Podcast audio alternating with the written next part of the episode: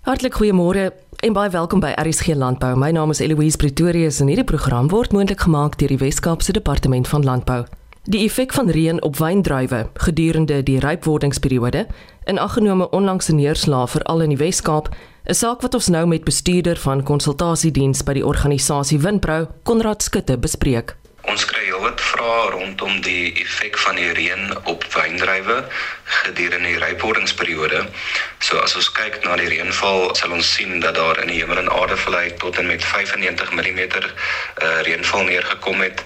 Elgin en Robertson ongeveer 80 mm, dan ook soms Suidwes ongeveer 50 en dan in Brede Kloof in Wellington omtrent 30 en Stellenbosch min of meer 30 mm en ander areas soos Darling, Kaapstad en die Oranje rivier min of meer 15 mm.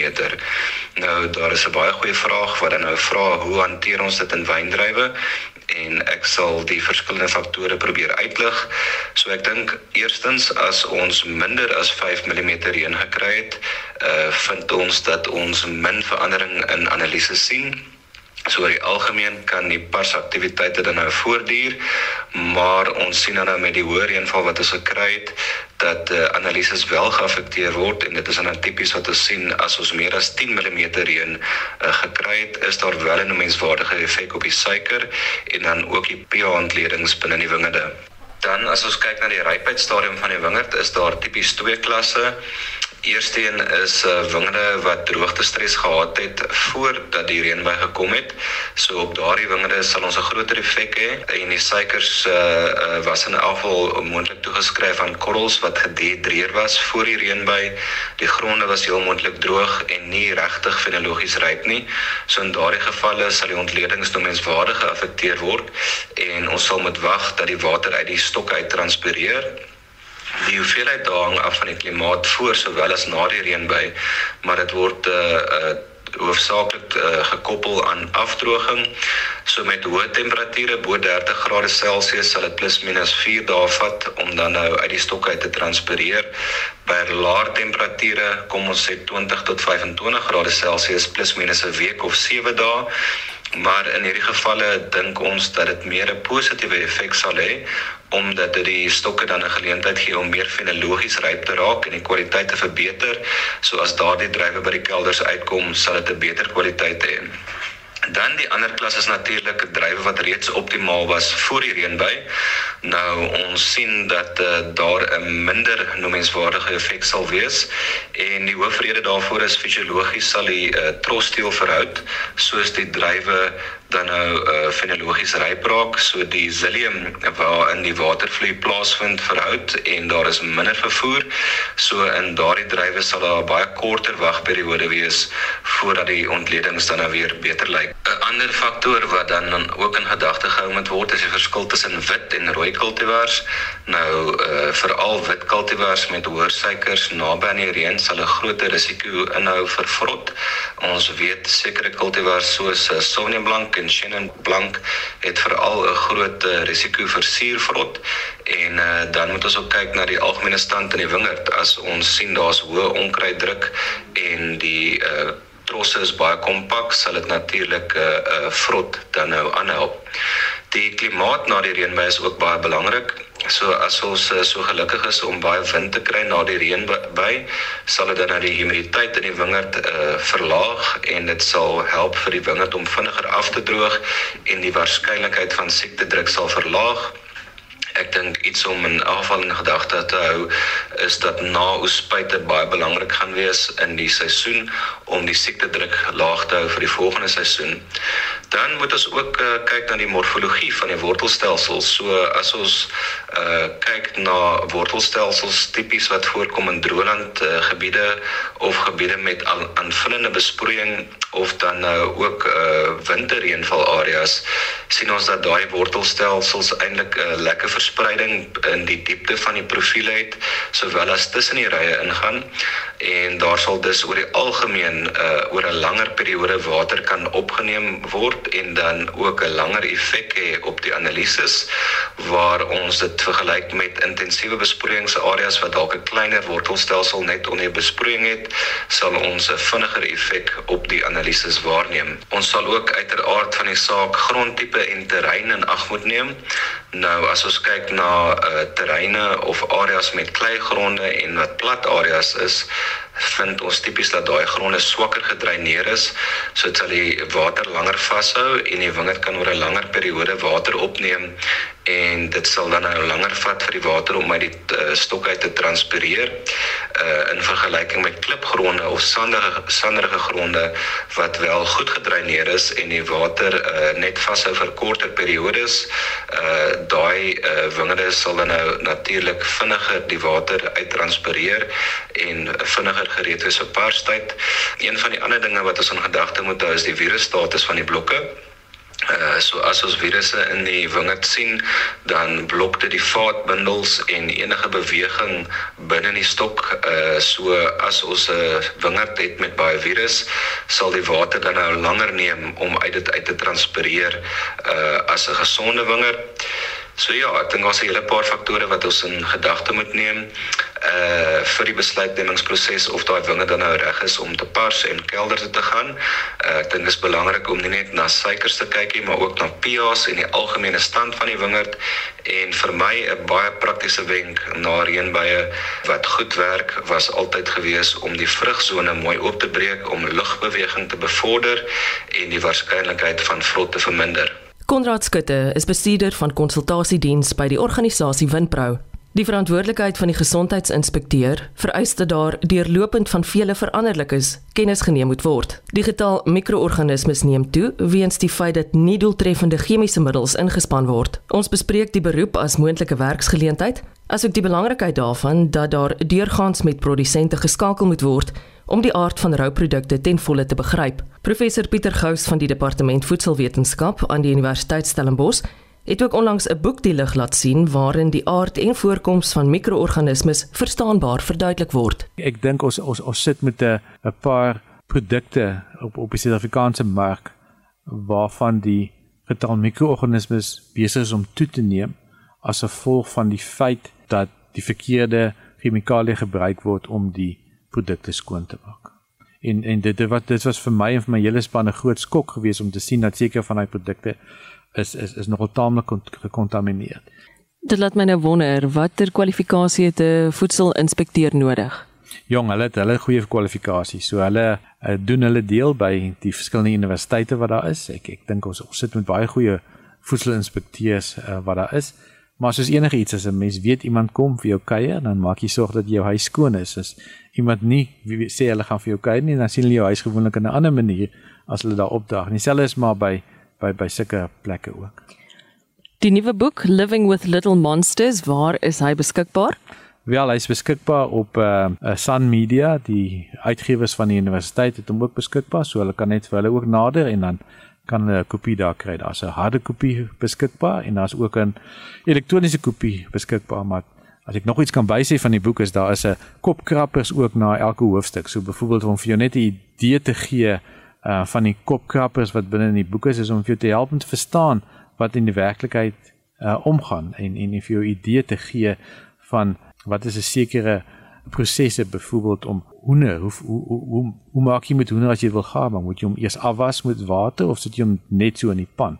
En dan gee ons vir jou ook 'n reël wat jy eintlik moet doen uh, en hoekom dit so is uh, om jou produk veilig te maak. So hoender wat jy het moet hom asseblief nie afwas met water onder die kraan nie want dan versprei jy die mikroorganismes op jou lappies en oralste wat daar plaasvind. So sit dit maar net so in 'n pan of in 'n pot en dan maak jy al die goedes dood. Baie interessante projek wat ons nou ook tesame daarmee is is om te gaan kyk wat hoe goed is die higiëne van hierdie jammer lappies wat die mense mos altyd in die in die kombuis het wat als mee afgevee word en en die kans dat jou jammer lappie een of twee patogene gaan hê is uitstekend goed en dat hy drie patogene gaan gee is nie so goed nie maar ons het nou die laaste tyd gesien dat omtrent 40% van die lappies wat ons getoets het was daar drie of meer patogene op die lappies gewees. Hoe raak ons daarvan ontslaa? O, maklik. Ehm uh, die was hom baie goed Ehm um, jy was hom ook in Jik en uh, dan soos een van my kollegas uh, in Europa gesê het, jy sit hom in 'n bakkie met water en jy sit hom in die mikrogolfoond vir 5 minute en dan's alles dood. wat doen ons nog in die kombuis wat ons nie weet nie, wat verkeerd is nie? O nee, ek dink daar's baie goed is. Ek dink dis daar's legio goed is wat daarby is, maar uh, soos die een ma van een van my studente gesê, ek moenie vir 'n kind nonsens praat nie. So ek dink nie ek moet nou begin sê van alles wat ek dink die mense verkeerd doen in die kombuise nie. Dis belangrik dat ons moet kyk na algemene higiëne in in in so 'n proses. Ja, ehm um, ek ek dink dit is nogal interessant om te sien hoe sekere mense seker goeders doen. Daar's daar's was een ding wat altyd vir my baie interessant is as ek by mense gaan braai en ek hoor my vriende luister nou vir my nie. Maar as ek by hulle gaan braai nou is dit byvoorbeeld 'n uh vat die vleis en dan sit hulle dit mooi in 'n bak en hulle dra dit tot by die braai en dan sit hulle dan na, natuurlik dit op die braai maar vat hulle nie daai bak terug om te gaan skoonmaak nie. Hulle hulle sit weer die gaar vleis in daai selfe bak wat die rou vleis was. So vir my is dit nog 'n bietjie moeilik en uh was hulle 'n paar keer wat ek vir hulle moes gesê dat ek sal gou vir die bak gaan was. Mense sê so gereeld maar wat is die ergste wat kan gebeur? Jy weet. jy, jy kan siek word of jy kan doodgaan. Korrek. En dit is mm. nogal interessant uh Ek begin gewoonlik met my eerste jas wat ons vir hulle uh, op die twee projekte 'n slide sit, 'n skyfie sit om vir hulle te sê van wat dink hulle, waarvan gaan die mense dood? OK. So natuurlik is daar hartaanvalle en al die goedes wat daar is, maar gewoonlik tussen nommer 5 en nommer 6, maak nie saak watter jaar dit is nie, is dit as gevolg van daai real diseases. En dit kry mense basies van van kosprodukte af. En meer mense gaan dood van daai real diseases as van mense wat doodgaan aan TB byvoorbeeld dit dis dis altyd 'n probleem. As in die boek behandel ons ook dan die verskil tussen 'n 'n mikroorganisme wat jou siek maak en die toksine van die mikroorganisme wat jou kan siek maak. Uh en hoe om dit te kan kan beheer. En byvoorbeeld as jy byvoorbeeld rys het en jy het rys gaar gemaak en dan was rys wat oorgebly het, dan kan 'n mens baie keer sê jy sit hom terug in die yskas. Ehm um, en dan uh, baie keer sit jy hom nie dadelik terug in die yskas nie, dan die temperatuur nog taamlik hoog. En met dit is daar sekere organismes wat toksine produseer en daai toksine kan nie met hitte vernietig word nie. So al maak jy hom weer warm tot by kookpunt, die toksine gaan nog steeds daar wees. Dis sekere emetic toxins wat daar is. En dis hoekom mense baie keer siek raak van plekke in in van reis. Dit is algemeen bekend dat reise een van die groot probleme is by sekere restaurante waarvan ons almal weet. As gevolg van die feit dat dit hergebruik word en nuwe reis net by die ou reis geplaas word om die produkte te vervaardig. Is dit so dat 'n mens blaarslaai in soutwater moet laat lê? Daar seker van die blaarslaai wat mense sien want dit is klaar gewaste produkte so dit behoort behoort skoon te wees. Van die blaarslaai wat 'n mens net so kry, sal ek maar in 'n in 'n produk sit of dit sout is of wat ander mense dit kan gebruik. Dis nie net om van die mikroorganismes ontslae te raak, dis ook bietjie van die insekte en die wurmpies ontslae te raak om daar wees tussen jou blare wat daar is. Dit dis dis 'n goeie gewoonte. As 'n mens ouer is, as 'n mens verwagtend is, as 'n mens uh immunocompromised is, moet asseblief nie sushi eet nie, uh, want dit mag nog net ander probleme veroorsaak. Nee, ek dink ek dink die verbruiker is besig om baie goed ingelig te wees oor wat hulle regte is en wat hulle kan doen en hulle is baie vinnig ook om vir jou te laat weet as daar iets verkeerd gaan met jou met jou produk.